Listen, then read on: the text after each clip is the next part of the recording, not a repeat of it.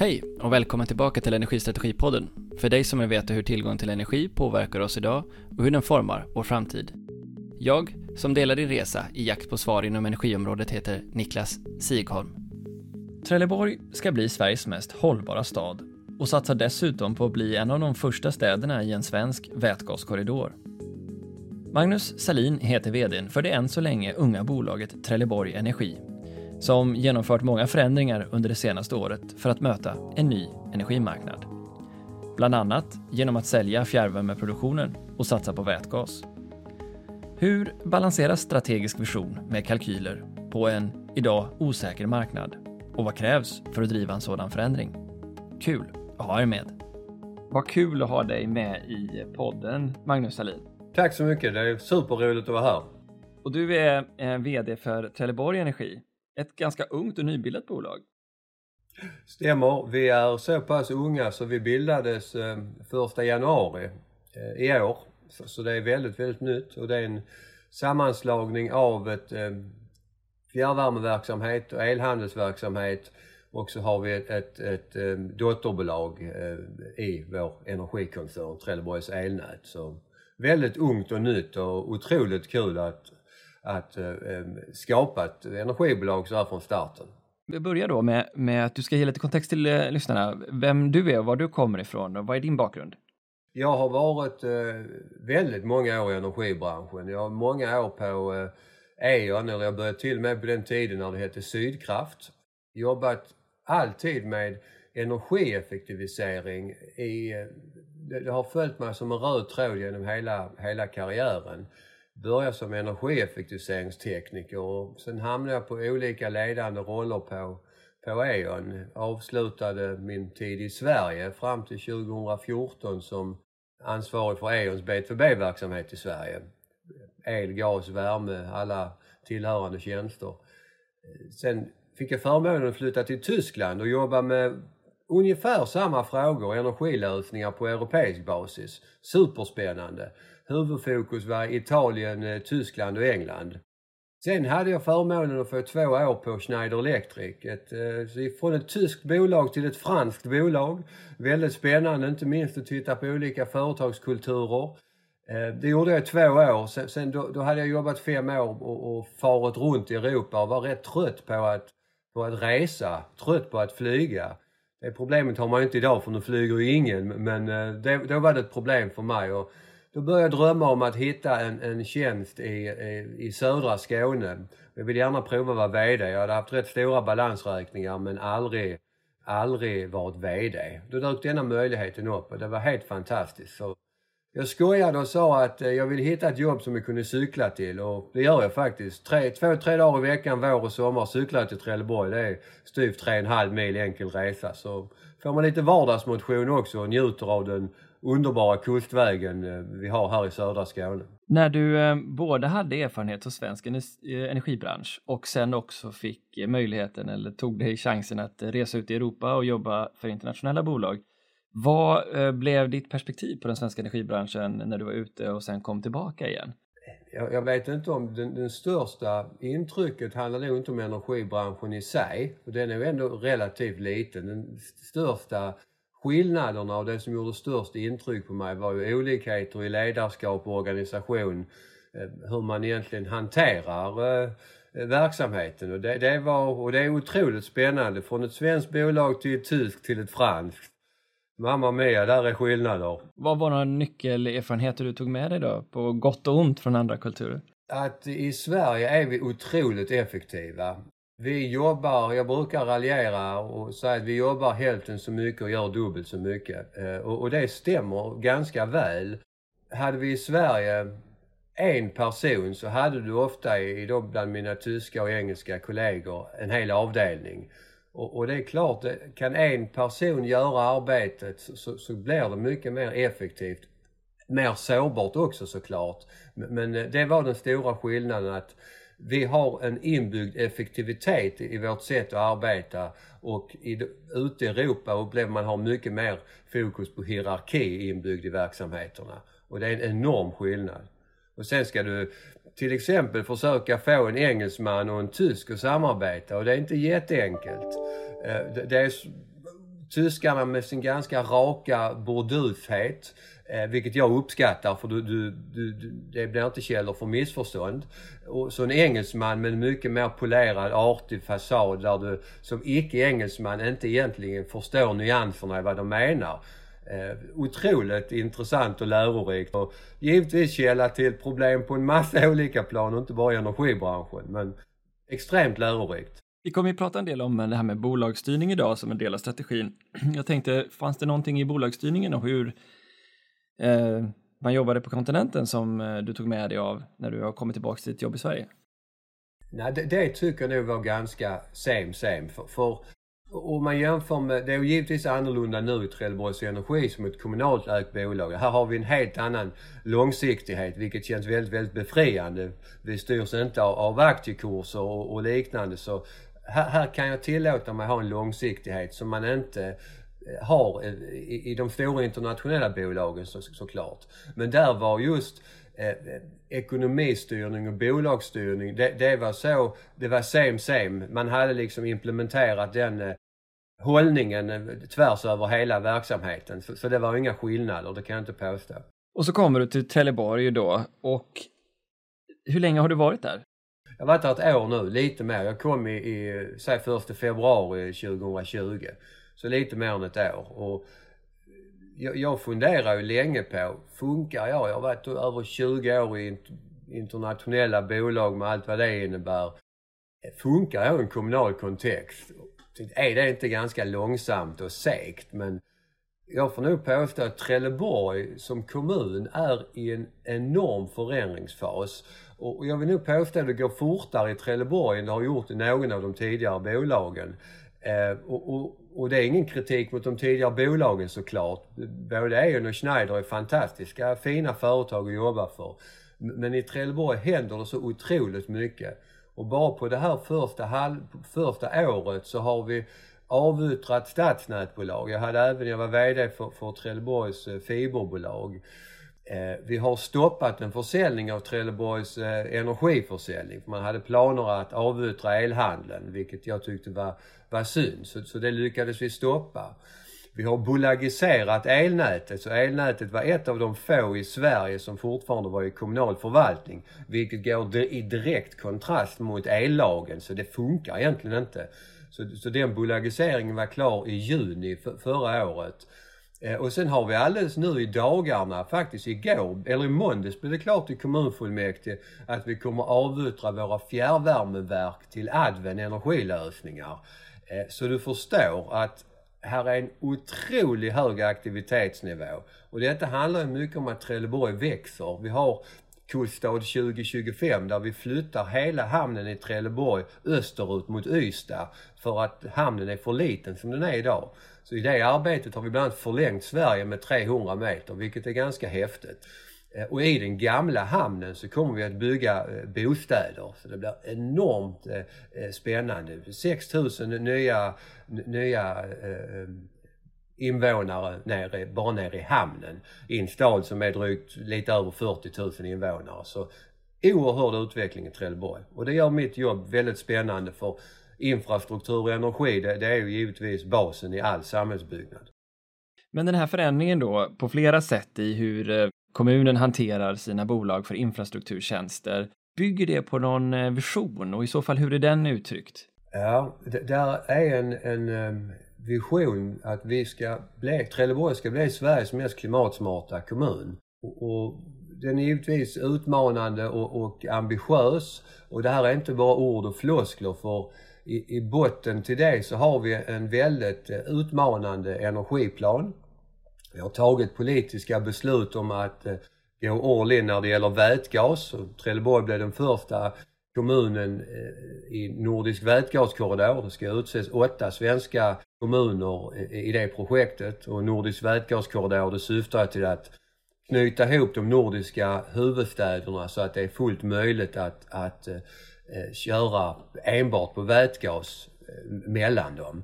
Och Trelleborg med 750 000 fordon som kommer in genom hamnen varje år. Det är en enorm potential såklart. Och det är en miljöförbättring inte bara i Trelleborg utan det, är ju hela, eh, hela Norden såklart. Men vi är sent på bollen i Sverige när det gäller vätgas. Det är ju, det, det är en allmän, eh, allmän eh, kännedom idag. Men, men, vi gör vad vi kan i Trelleborg för, för att öka takten, i varje fall här nere.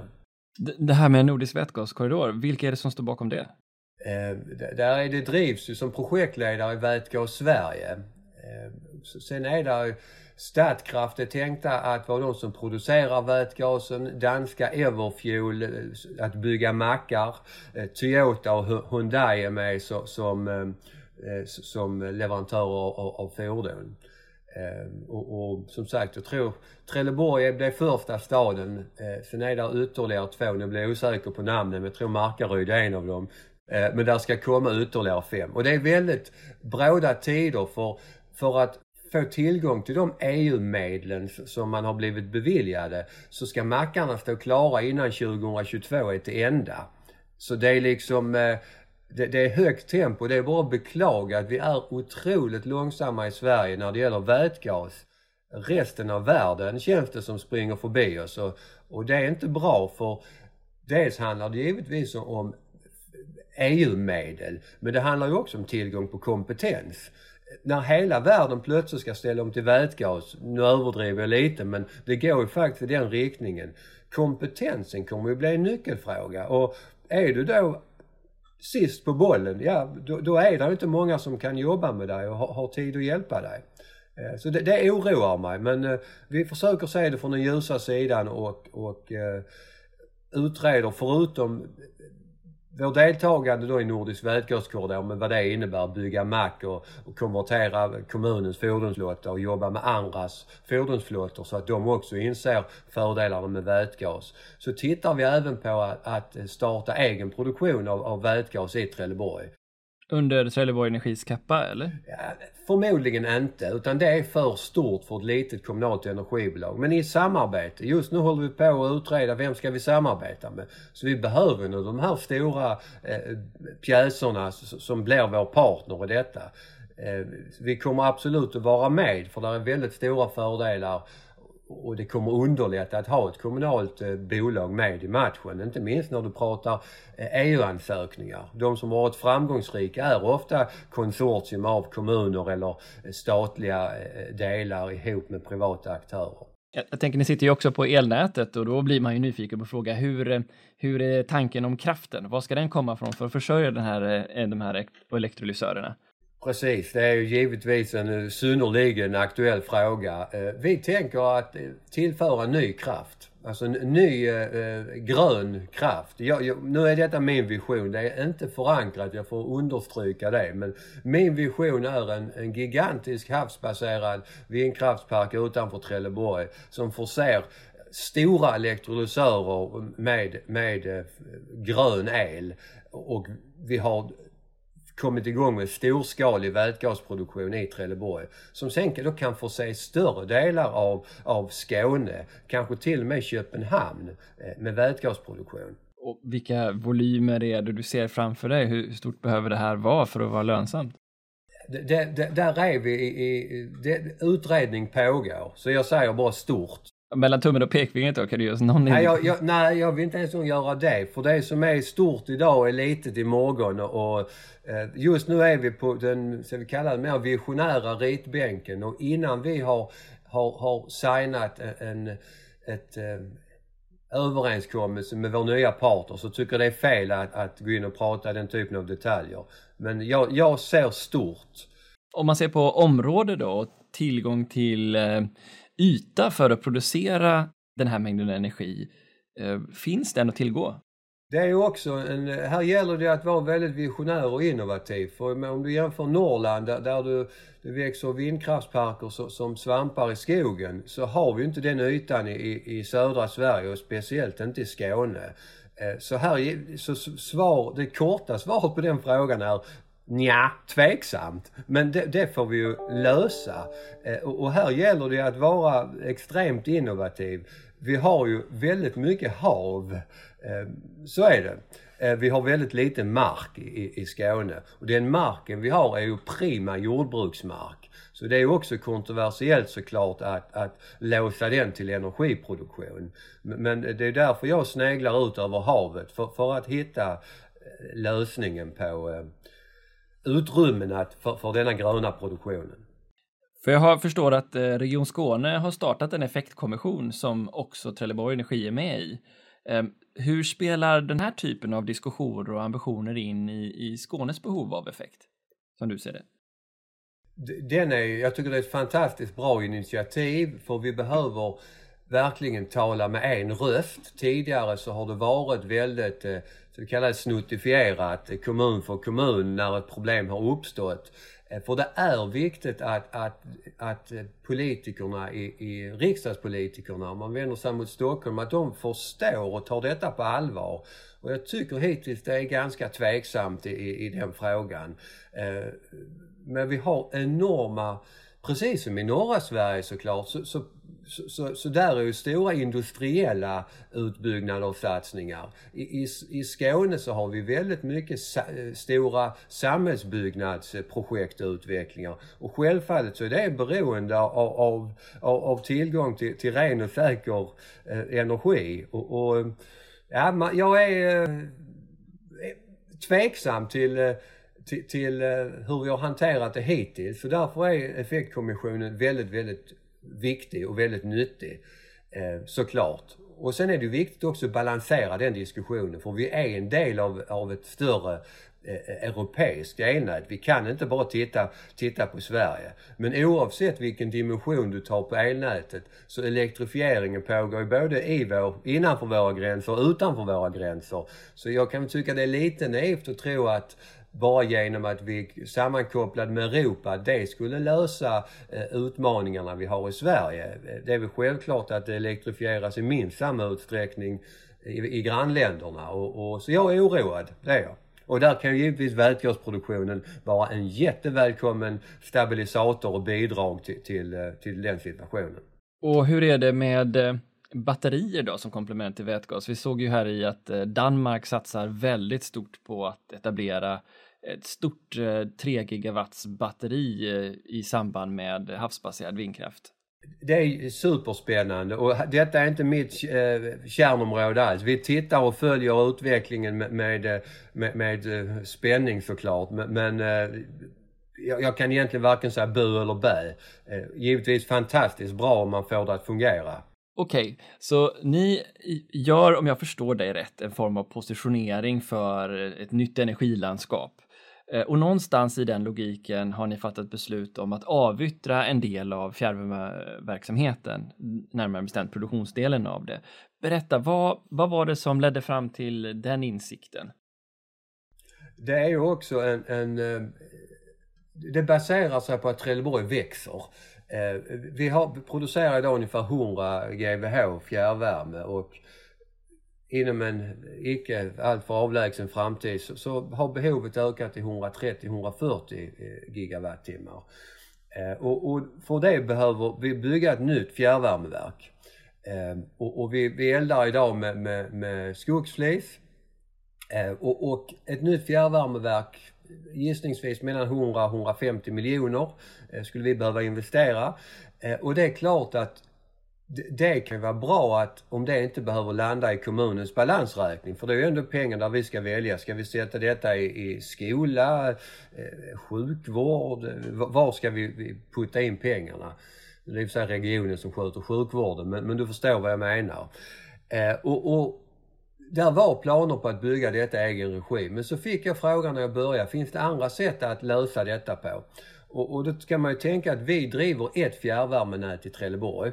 Eh, där finns ju stora aktörer som driver betydligt fler och, och Trelleborg har gjort ett jättejobb för Trelleborg var en så kallad gaskommun tidigare. Men i utbyggnaden av fjärrvärme, det har man gjort exemplariskt jättebra med extremt få människor. Men alltså bara fyra personer på fjärrvärmebolaget eh, när, jag kom dit som skötte både produktion, distribution. Försäljning behövde man inte ha för det sålde sig själv. Eh, eh, vilket är ganska fantastiskt. Och, och då behöver vi titta, kan vi hitta en partner som kan bygga fjärrvärmeverk åt oss och som kan ta över de existerande fjärrvärmeverken så vi hittar en win-win situation i det. Och det började vi titta på eh, i somra, förra sommaren 2020 och, och, vi har landat väldigt väl i detta tycker jag. Så där är en, en, det är en bra ekonomisk affär för Trelleborg. Det är en bra ekonomisk affär för Adven Energilösningar. Eh, eh, och, och, och, som sagt, nu, nu, vi siktar på ett, ett övertagande redan i maj eller i juni. Där Adven går in i Trelleborg och tar över detta. Eh, och det är väl härligt när man kan hitta en, en tydlig win-win eh, situation för båda parter. Ja, om du säger win-win så måste ni då ha sett att eh, Adven i det här fallet kan göra någonting bättre än vad, vad ni kan för att den affären ska gå ihop. Vad, vad var det du såg där? De driver 50, 50 fjärrvärmenät i Sverige. Vi driver ett. Eh, Bränslekostnaden i en fjärrvärmeverksamhet, i varje fall i de jag känner till, mellan 40 till 60 procent, ungefär 50 procent är rena bränslekostnader. Det är klart de har helt andra muskler i sitt bränsleinköp när de köper in eh, bränsle till 50 nät än vi i Trelleborg som köper till ett. Vi är ganska långt ner på eh, de stora leverantörernas kundlista. vilket är helt naturligt såklart. Plus att vi har fyra personer. De har 200 energiexperter som liksom bara jobbar med att utveckla detta. Eh, de har ett know-how som, som vi omöjligt någonsin kan komma i närheten av. Så Ja, nu tar de över fjärrvärmeproduktionen men vi har ju även avtalat om att de kommer att stötta oss med både distributionsfrågor och sälj och marknadsfrågor. Så så, så, så, vi kommer att, att bibehålla distributionsnätet, bibehålla kundkontakten för vi har väldigt, väldigt starkt varumärke. Vi är Trelleborgarnas eget energibolag. Men nu kommer vi då att få otroligt mycket mer kompetens eh, som vi inte hade tidigare. Vad eh, landade prislappen på? 140 eh, miljoner eh, tog, eh, vann Adven eh, upphandlingen på. Och det är en, det är en komplex affär för och dels så, så säljer vi existerande verk och dels så tecknar vi ett, ett 20-årigt inköpsavtal eh, där vi då förbinder oss att eh, ta emot värme och Adven förbinder sig att, att producera värme. Så det var egentligen två stycken rörliga parametrar. Dels eh, kontant, eh, inte kontant men, men eh, kostnaden, priset för, för de existerande verken och sen var det ju det framtida, framtida energipriset. Och då bestämde vi oss för att fixera energipriset så det följer en, en det, var, det var liksom en fast modell som alla anbudsgivare hade att förhålla sig till. Och sen fick man, fick man eh, eh då tävla om vem som lade det bästa budet. Eh, det var 50% pris och sen var det 50% genomförandebeskrivning så vi kunde ha mer eh, kvalitativa parametrar också. Och, och då vann Adven på, på 140 miljoner det var ganska jämnt skägg på genomförandebeskrivningen. Och hur tänkte ni när ni just sålde produktionen och inte höll ihop produktionen och distributionen mm. i, i fjärrvärmesystemet? Ja, det har vi ju brottats mycket om och, och funderat och det är inte jättevanligt. Det har skett och, och, och eh, eh, så vi, vi funderar jättemycket på detta men vi kom fram till att vi har inte de vi har inte samma förutsättningar att bygga fjärr, ny produktion och att driva produktion Eh, ens i närheten av vad en stor aktör kan göra. Och samtidigt var vi inte beredda att, att sälja distributionsnätet. För det är jätteviktigt, vi är med och, och påverkar eh, energifrågorna i Trelleborg. Eh, så det var aldrig, aldrig ett alternativ att sälja distributionsnätet. Och har du med de två ställningstaganden, då är, där, då är saken klar. Då, då är det den här lösningen. Och för att det ska bli bra, och detta har vi fokuserat jättemycket på i vårt urval, så är partnerskapet A och O. Utan något som helst. Vi, vi måste ha ett, ett, ett väldigt, väldigt väl fungerande partnerskap och det tror vi oss kunna få med, med, med Adven. Hur utvärderar man ett sådant partnerskap? Vad är det du ser som du värderar? Det har vi gjort. Dels att båda parter Först och främst så sitter man ju ihop. Här finns ju så inbyggda mekanismer som, som borgar för ett bra partnerskap. Går det dåligt för den ena går det dåligt för den andra. Men producerar inte de kan inte vi sälja och vice versa. Eh, och, och, och sen handlar det väldigt mycket om att ta ansvar för helheten. Trots vi har olika eh, eh ansvarsområde i fjärrvärmekedjan så, så vill båda ta ansvar för helheten. Och här har ju givetvis vi eh, speciellt initialt då, god kompetens och, och, och, och kännedom om existerande verk. Men, men sen att, att, att Adven är med under resans gång och hjälper oss att utveckla fjärrvärmen i Trelleborg. Vilket givetvis gagnar dem också för ju mer vi säljer desto mer, desto mer tjänar Adven på affären. Eh, så, så jag tycker där är både inbyggda parametrar och sen avtalade parametrar. Och, och de avtalade parametrarna det är ju gemensam strategiprocess, gemensamma eh, avstämningar, uppföljningar. Eh, och, och, det är ju det du kan få på pappret. Sen handlar det väldigt mycket om det mänskliga, själva kulturen. Och då har jag fokuserat jättemycket på nu när vi bygger upp Trelleborgs Energi att, att skapa en, en positiv företagskultur där människor verkligen vill vara med. Eh, eh, och, och den kulturen försöker vi även inkludera Adven i eh, såklart. Så det blir ett väldigt eh, eh, positivt flow kring energifrågorna och energiorganisationen i Trelleborg. Du verkar onekligen ganska nöjd med hur det har blivit. Ja, jag är jättenöjd så här långt och visst, sen är det jag som pratar för min sjuka mor eller hur man brukar uttrycka det. Men, men vi, vi, har faktiskt börjat göra en medarbetarundersökning och vi, vi försöker bli digitala i allt vi gör här. Eh, och vi gör nu en eh, digital medarbetarundersökning. Vi fick det första resultatet bara för någon vecka sedan. Eh, och på det man kallar EMPS, alltså Employee Net Promoter Score, vilket är ett vedertaget begrepp, så är det ju, har jag fått lära mig att är man över 0 så är det bra. Över 20 är, är mycket bra, över 50 är extremt bra. Och det är ju att du svarar ju på frågan hur sannolikt är det att du skulle rekommendera din arbetsgivare till en vän och kollega mellan 0 och 10. Och vårt första resultat blev plus 36. Vilket, ja wow! Helt fantastiskt. Sen ska man väl i ärlighetens namn tänka att vi är inne i en smekmånadsperiod. Vi flyttade ihop alla verksamheterna i höstas, eh, alltså fysiskt till, till en adress och lite så. Så visst är vi inne i en smekmånadsperiod. Men ändå att få ett så starkt eh, första resultat, det, det säger någonting för mig att vi är på rätt väg och att folk trivs där och, och tror på det vi gör. Och utan medarbetare så, så spelar liksom ingen roll vilka strategier som jag sätter upp om vi inte har medarbetare som tror på det vi gör. Vid tidigare sådana här försäljningsprocesser av fjärrvärmeverksamheter så har det ju i, i, vissa fall lett till viss politisk turbulens. Eh, här verkar den politiska processen ha flutit på ganska smidigt om jag förstår det rätt. Kan du berätta vad är det som har varit framgångsfaktorerna för det? Jag tror att vi har försökt informera löpande eh, och vi, vi, har haft fyra stycken beslutsinstanser. Första var det Trelleborgs fjärrvärmes styrelse. Eh, det var inga problem. Sen var det i, i koncernbolaget eh, som heter Rådhus AB, deras styrelse. Eh, sen hade kommunstyrelsen och sen i måndags i kommunfullmäktige. Och, och de två första instanserna var, var inget motstånd alls. Sen var det lite funderingar i kommunstyrelsen. Och de funderingarna hanterar vi genom att de två senaste veckorna innan kommunfullmäktige så träffade jag ett antal eh, politiska partier som hade lite tvivel och, och, och det var väldigt bra för, för då bygger man en relation och vi, vi, vi kunde ha lite mer djupare samtal om vad det här innebar och, och det landade så väl så att det var en, eh, en, eh, inga reservationer överhuvudtaget i måndags. Så det är en fullständig politisk enighet.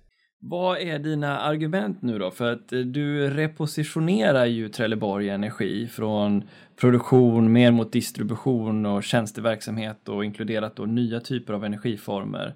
Vad är det du ser i den förflyttningen och positionen av Trelleborg Energi som du tycker ger styrka? Det, det, är vår absoluta fördel. Det är att vi är Trelleborgarnas energibolag. Eh, sen kommer vi från en värld där man hade ett fristående fjärrvärmebolag, ett fristående energiförsäljnings eller elhandelsbolag och så då en, eh, ett elnät i, i kommunal förvaltning. Och det lirade inte alls med den energiplan man hade i kommunen. Eh, för, för energiplanen var väldigt bra och ambitiös, man hade inget verktyg att genomföra det. Och Trelleborgs Energi nu försöker jag sätta upp som verktyget för att få energiplanen att hända. Eh, och med tanke på hur, energivärden och, och behoven av, av energilandskapet ser ut idag så, så, så var det ganska givet att jobba med frågor som energieffektivisering. Men det gör ju alla energibolag idag. Eh, det måste du göra. Eh, och sen har vi då vår, vår game changer eller vår stora grej. Det är ju vätgasen. Och där har vi satt upp ett, ett, eh, ett, eh, ett kalla det tvärvetenskapligt eh, organisation som skär rakt igenom alla bolagen, alltså förutom energibolaget även fastighetsbolaget Trelleborgshem och även genom Trelleborgs hamn. Plus genom en, en, en massa förvaltningar, samhällsbyggnad, så vi får med räddningstjänsten och, och teknisk serviceförvaltning och så vidare.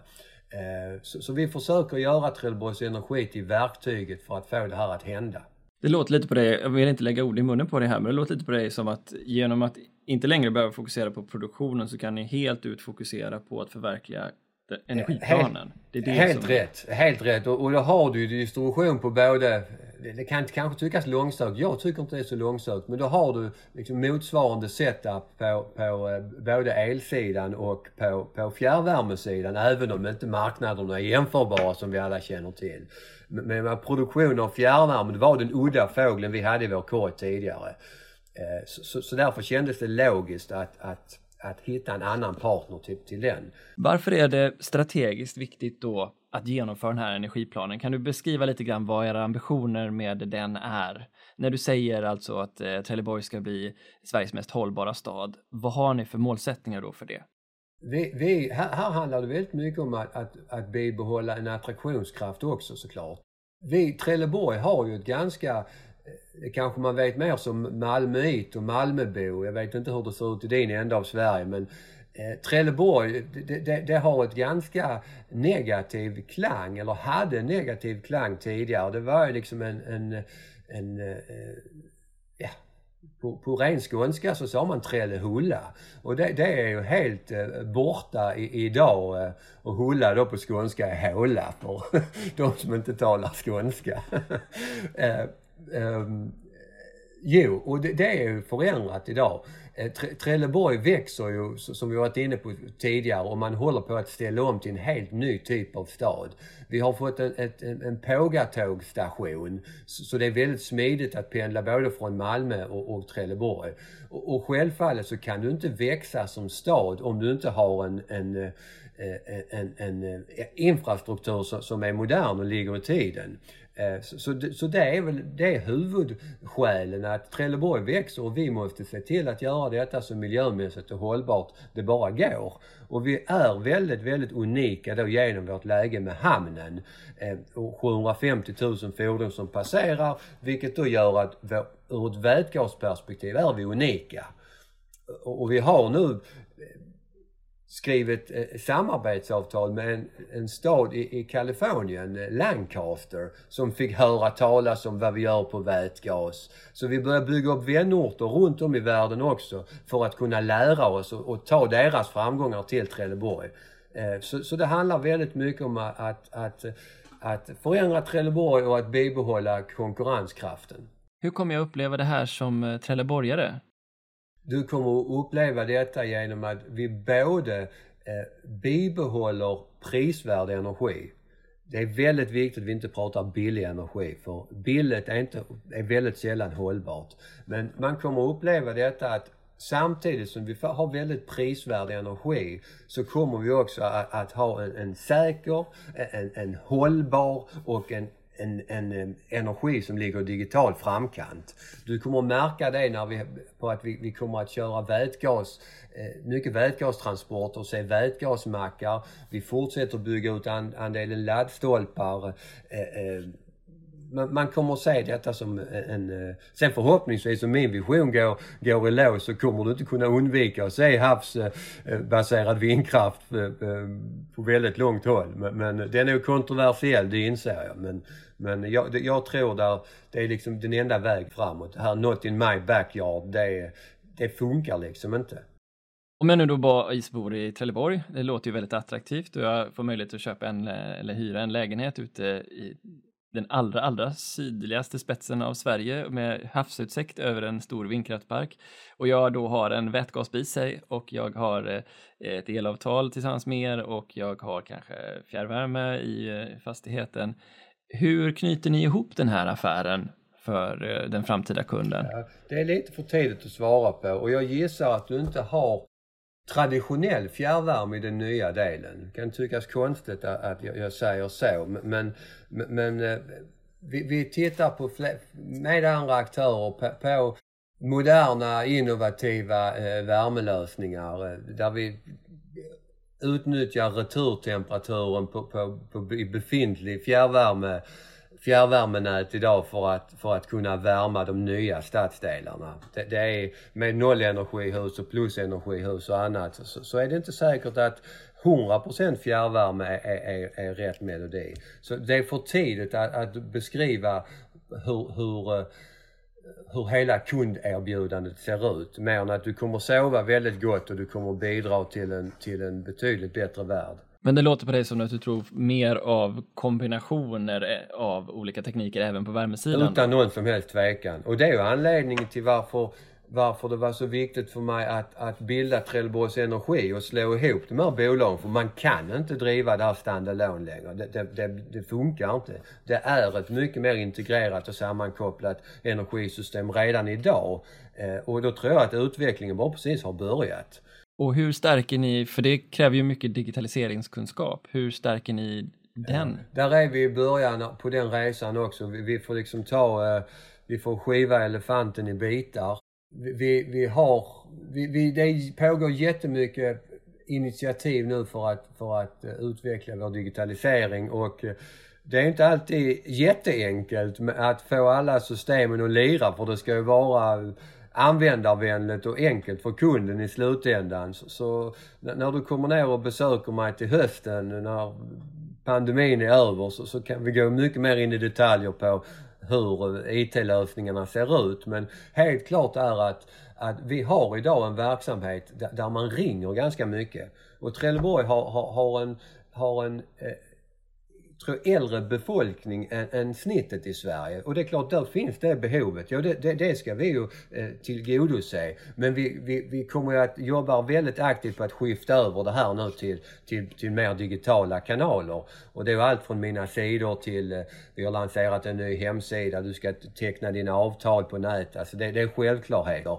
Eh, så det. Sen ska vi då lägga till allting vi kan göra med mätarna och distributionsnätet kopplat till energieffektivisering, övervakning och så vidare. Och allt detta ska du givetvis som kund kunna ha koll på i, din iPhone. Väldigt, väldigt tillgängligt och användarvänligt. Vi är inte där ännu för att understryka. Det finns, skulle jag då vilja hävda, i, i branschen kanske en viss eh, Eh, Eh, tradition av att vara kalkyldriven istället och, och vilja se när kommer break-even och är det verkligen lönsamt med vätgas eller inte och hitta ROI som säkrar kalkylräntor. Förstår du vad jag menar? Hur, hur ser du på det och behovet av att liksom balansera excellerna med visionerna? Eh, jag är, där är jag lite annorlunda. Jag delar din bild att så ser väldigt ofta energibranschen ut och det var någonting jag lärde mig i Tyskland att, att jag är inte den typiska energibolagskillen för jag, jag, jag, det är klart att jag, vi har koll på ekonomin och vi måste räkna oss fram till, eh, vi, vi ska inte ta vansinniga beslut. Men jag, jag tror jag använder en, en större del magkänsla och, och eh, intuition än vad, vad eh, den genomsnittliga energibolags gör. Ehm, utan någon som helst tvekan. Och, och, eh, man behöver inte vara raketforskare för att räkna ut liksom, och se vart vi är på väg, vart världen är på väg idag. Eh, sen kan man inte skjuta på allt och det är ju viktigt såklart att samtidigt som du går på magkänsla och, och fakta så är det jätteviktigt för mig att du väljer ut ett eller några få områden du ska vara bra på och så släpper du resten. För jag tror att när du går på magkänsla och du ska vara med överallt, ja då går du åt, åt, åt, åt eh, det går illa. Eh, men just där, välj ut vilka är de viktiga områdena. För oss nu det är vätgas och det är ju, EU pumpar in 430 miljarder euro på 10 år. det är ganska uppenbart att det är dit utvecklingen kommer, kommer att gå. Ehm, så mer magkänsla och mindre kalkyler. Men jag säger inte att vi inte har kalkyler, det är viktigt att understryka. Jag förstår. Jag, jag tänker att, liksom att det, det, som ju är lätt annars blir, jag menar det är ju någonting jag själv dyker ner i, eh, mängder av rapporter och massvis med fakta och man blir nyfiken på att fråga mycket av detaljerna kring liksom, vad är det som underbygger det här. Men det är klart, det blir ju väldigt mycket information då också att värdera. Ja, och även i en, då i en politisk värld också där du har politiker som jobbar med allting från eh, ehm, skolan till, till eh, renhållning till annat. Det är ju de som fattar bes, de stora besluten som påverkar mig. Jag måste kunna presentera detta på ett begripligt sätt för dem. Eh, eh, så, så det sätter ju också krav på att vi kan inte man kan ju givetvis överanalysera allt och det gör man ju ofta i, i energibranschen. Hur menar du då? Jag menar att, och det är klart, ska du investera x antal miljarder och bygga ett kärnkraftverk, vilket väl är det mest extrema, ja då vill du till att du har koll på dina kommatecken. Eh, självklart. Och, och det, den historiken, det arvet har vi fortsatt med oss. Eh, men, men de, de som fattar mina beslut, alltså kommunfullmäktige och mina styrelser i Trelleborg, eh, de har inte den erfarenheten av att bygga kärnkraftverk. Så då måste man ta det till den nivån.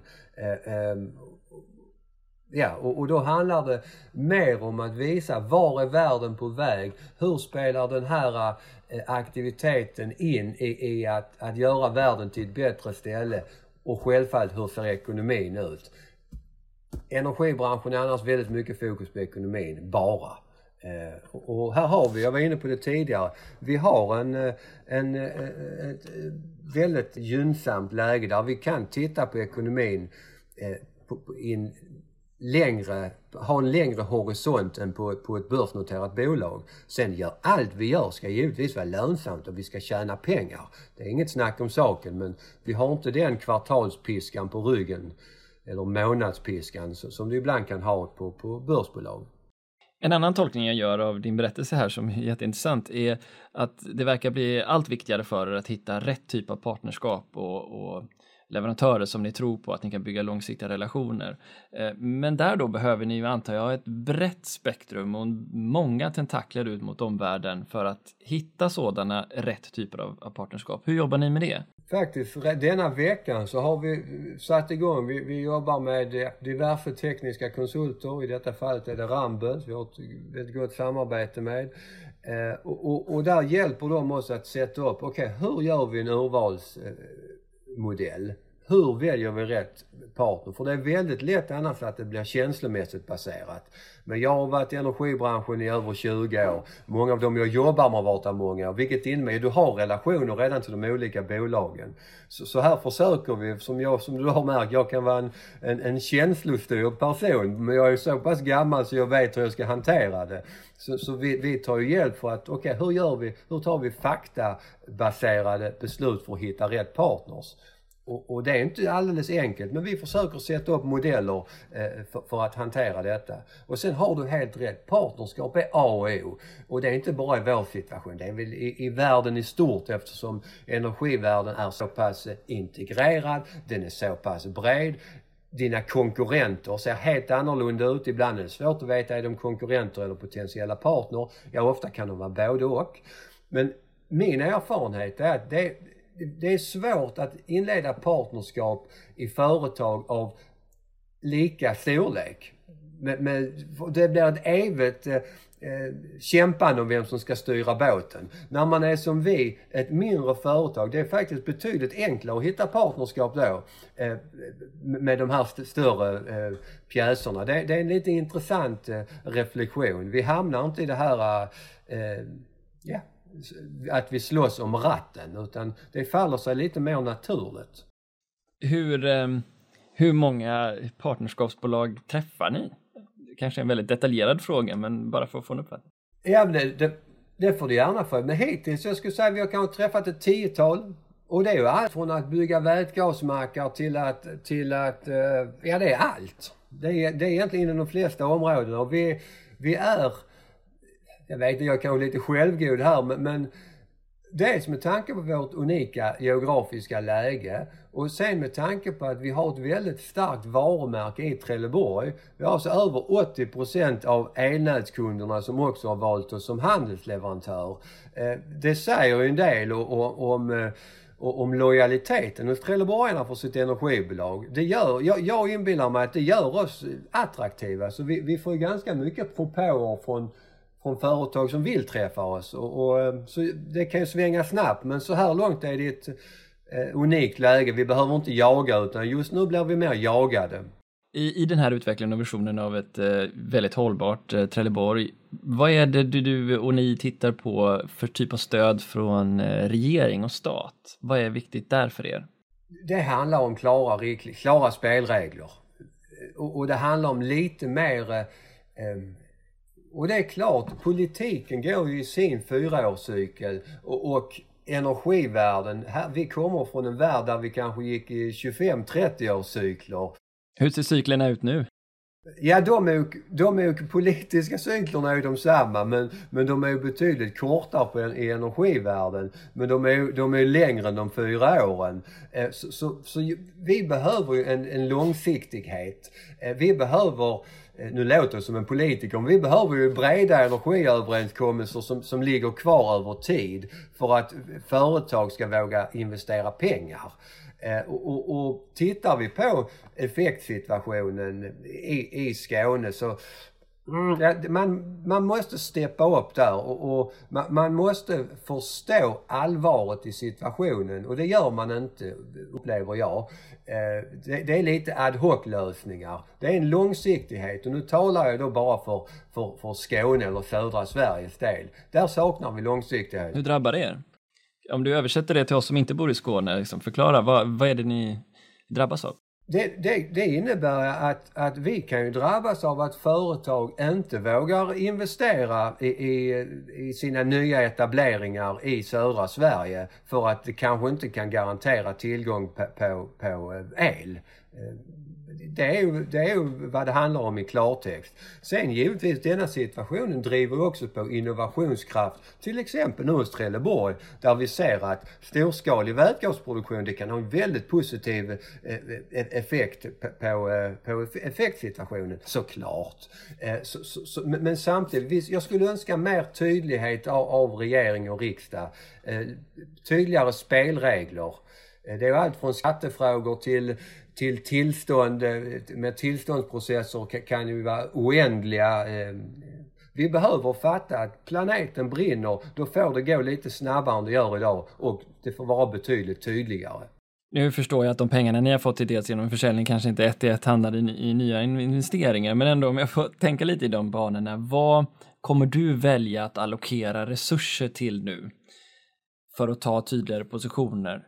Gör du det och i så fall hur ser de resursallokeringarna ut? Eh, vi, vi allokerar resurser eh, både i form av personal och pengar till, till vår vätgassatsning. Och, och det är ju rätt, vi, vi, som ett litet bolag, vi har inte de enorma pengarna. Det är ju därför vi letar partners såklart. Som, precis som Adven på, på fjärrvärmeproduktionen, på vätgasproduktionen ser en, en långsiktig affär i det och som har muskler att ta de här större investeringarna. Men, men jag allokerar dels eh, eh, personal och, och, dels pengar och det är till exempel att konvertera vår fordonsflotta. Och det är ju inte jättebilligt för merkostnaden för en vätgasbil är, är, är eh, ganska rejäl idag jämfört med, med en, eh, något som går på fulbränsle. Um, så, så, där sätter vi av en hel del pengar. Och detta är ju lite av den utmaning vi är i, för det är hönan eller ägget det är svårt att bygga en mack om vi inte har ett fordonsunderlag. Och det är svårt att, att köpa fordon om du inte har en mack. Så här tar vi ett ansvar och driver på konverteringen av, av, av fordonsflottan. Då har jag en fråga till om, eh, om sektorsintegrationen och det är ju den, dels så pratar du om den till eh, naturligtvis alla de 750 000 eh, bil, lastbilar eller fordon som ska igenom hamnen. Ni har väl Sveriges största rorohamn om jag förstår saken rätt? Ja. Men hur är det med båtarna? För de släpper ju också ut en hel del. Hur, har ni någon idé om det också? Eh, det är till och med så att det är väl norra Europas största rorohamn. Eh, så jag inte får hamnchefen på mig sen. Okej, okay, då är bra. Noterat. Nej, den är väldigt stor och, och, väldigt fin i varje fall. Eh, båtarna, ja det är ju självfallet en, en, en, en också en utmaning i det här. Där även båtar håller på att, att, att ställas om. Nu är jag långt ifrån en expert på, på, på, på båtar. Eh, men, men där pågår ju också en omställning. Och det är klart, skulle, skulle de gå på eldrift, vilket kanske inte är tekniskt möjligt idag, ja då hade ju elnätet, eh, då hade ju hela Trelleborg stått och studsat om vi skulle, skulle ladda eh, alla båtar samtidigt. Men, men här pågår ju, jag vet, där finns ju nu vätgasdrivna båtar jag vill i Norge och Japan. Jag har för mig de, de, jag har läst att, att de är i, i, om de är i kommersiell drift eller provdrift vet jag inte. Men, men det är ju nästa steg där, vilket skapar en ännu större marknad och underlag för, för, för den vägen som vi har valt att gå in på nu. Alltså du tänker att Trelleborg Energi även kan ha en roll att spela i, i att skapa bättre luftmiljöer runt hamnen? Ja, absolut kan vi det. Och eh, sen återigen, inte, inte egen regi och mer som kommunalt bolag. Vi kan inte gå in och konkurrera på vilka områden som helst heller. Men vi kan i varje fall bidra till att det händer. Så, så vi har ett eh, vi kan tillåta oss att ha ett ädlare syfte än att bara tjäna pengar på vårt företagande. Och det är ju att, att bidra till att, att Trelleborg blir en så bra och hållbar stad som möjligt. Och då, då har vi en ganska stor påverkansmöjlighet. Ja, om man då tittar på det krasst vad de här hållbarhetsmålen kräver så innebär det ju att vi ska gå från någonstans runt 9 ton i utsläpp per person väldigt långt ner, nej, kanske inte till noll, men väldigt långt ner i alla fall. Vad, vad ser du att ni på de närmaste fem års sikten kan bidra mest till att sänka de här utsläppen för eh, respektive trelleborgare? Eh, alltså, nu är jag, låter som en papegoja, men, men eh, vätgas, men i Sverige, en stor del av våra, vår, vårt klimatavtryck kommer ifrån från transportsektorn. Så, så, så vätgas är det eh, spontana, snabba svaret. Eh, det är det absolut. Sen jobbar vi med, vi har börjat nu med fastighetskontoret att, att och jag har stack ut hakan och lovat dem att vi enkelt kan sänka energiförbrukningen med 10 procent. det, det, min erfarenhet, det, det är inga problem alls om du bara börjar jobba med frågan. Eh, och det är klart vi vill sen utveckla även energieffektivisering och hjälpa företagen i Trelleborg och även privatpersoner i Trelleborg att, att sänka sin energiförbrukning. Så det ska bli spännande om vi, om vi tar en uppföljning om två år och, och ser hur, hur mycket vi verkligen har sänkt eh, eh förbrukningen. Eh, både på energi och även på, på, på de fossila utsläppen från transportsektorn. Ja, det ska jag komma ihåg. Eh, det blir spännande. Två år då så ska vi följa upp hur mycket ni har lyckats eh, sänka detta. Vart, vad är, kanske, har du något så konkret mål tillsammans med kommunen? Hur, hur, när, om ni ska bli hållbara, vad innebär det? Och, och, och kommer, vi, kommer ni klara av det? Det kanske är en dum fråga. Men... Nu ska jag vara lite tråkig, men det är samma sak där. Mycket av detta är väldigt ungt och i uppstarten. Ehm, vi, vi, har inte satt dem specifikt. Vi har satt specifika mål på Trelleborgs Energi såklart. Men vi har inte satt de specifika miljöpåverkande målen utan vi har format en vision, vi har format en handlingsplan. Nu är liksom nästa steg att okej, okay, att bli Sveriges mest klimatsmarta kommun, vad innebär det? vad, vad har hänt när vi har blivit, hur vet vi att vi är framme? Och, och det arbetet pågår. Så jag, jag får ge dig lite sådana cliffhangers så du verkligen kommer till Trelleborg till hösten. Ja, tack för det. Du, eh, hur optimistisk är du vad gäller Sveriges förmåga och Europas förmåga att ställa om? Eh, jag är jätteoptimistisk, eh, är jag. Ehm, för det, och det handlar om att dels så finns tekniken och, och dels så, så, så det måste också finnas en, en som vi kalla det, en, tyvärr måste det finnas en kommersiell drivkraft. Men det är inte bara för att eh, eh ja, vi, vi, har ett samhällsansvar. Men tekniken finns, eh, kommersiellt eh, gångbart mer och mer. Eh, och politiken tycker jag börjar, om vi tittar på ett europeiskt perspektiv, verkligen engagera sig. USA tillbaks i Parisavtalet och, och, så vidare. Så jag är, jag är optimistisk och ska man vara helt ärlig så finns det inget alternativ. Du eh, Magnus, tack så hemskt mycket för att du var med i Energistrategipodden. Tack, det är jättetrevligt. Nästa vecka stannar vi kvar i Skåne och har då möjlighet att höra Anders Östlund, VD på Öresundskraft, och hans syn på energimarknadens framtid och vilka förmågor som behövs för att vara relevant på den. Hoppas att vi hörs då. Ha det fint!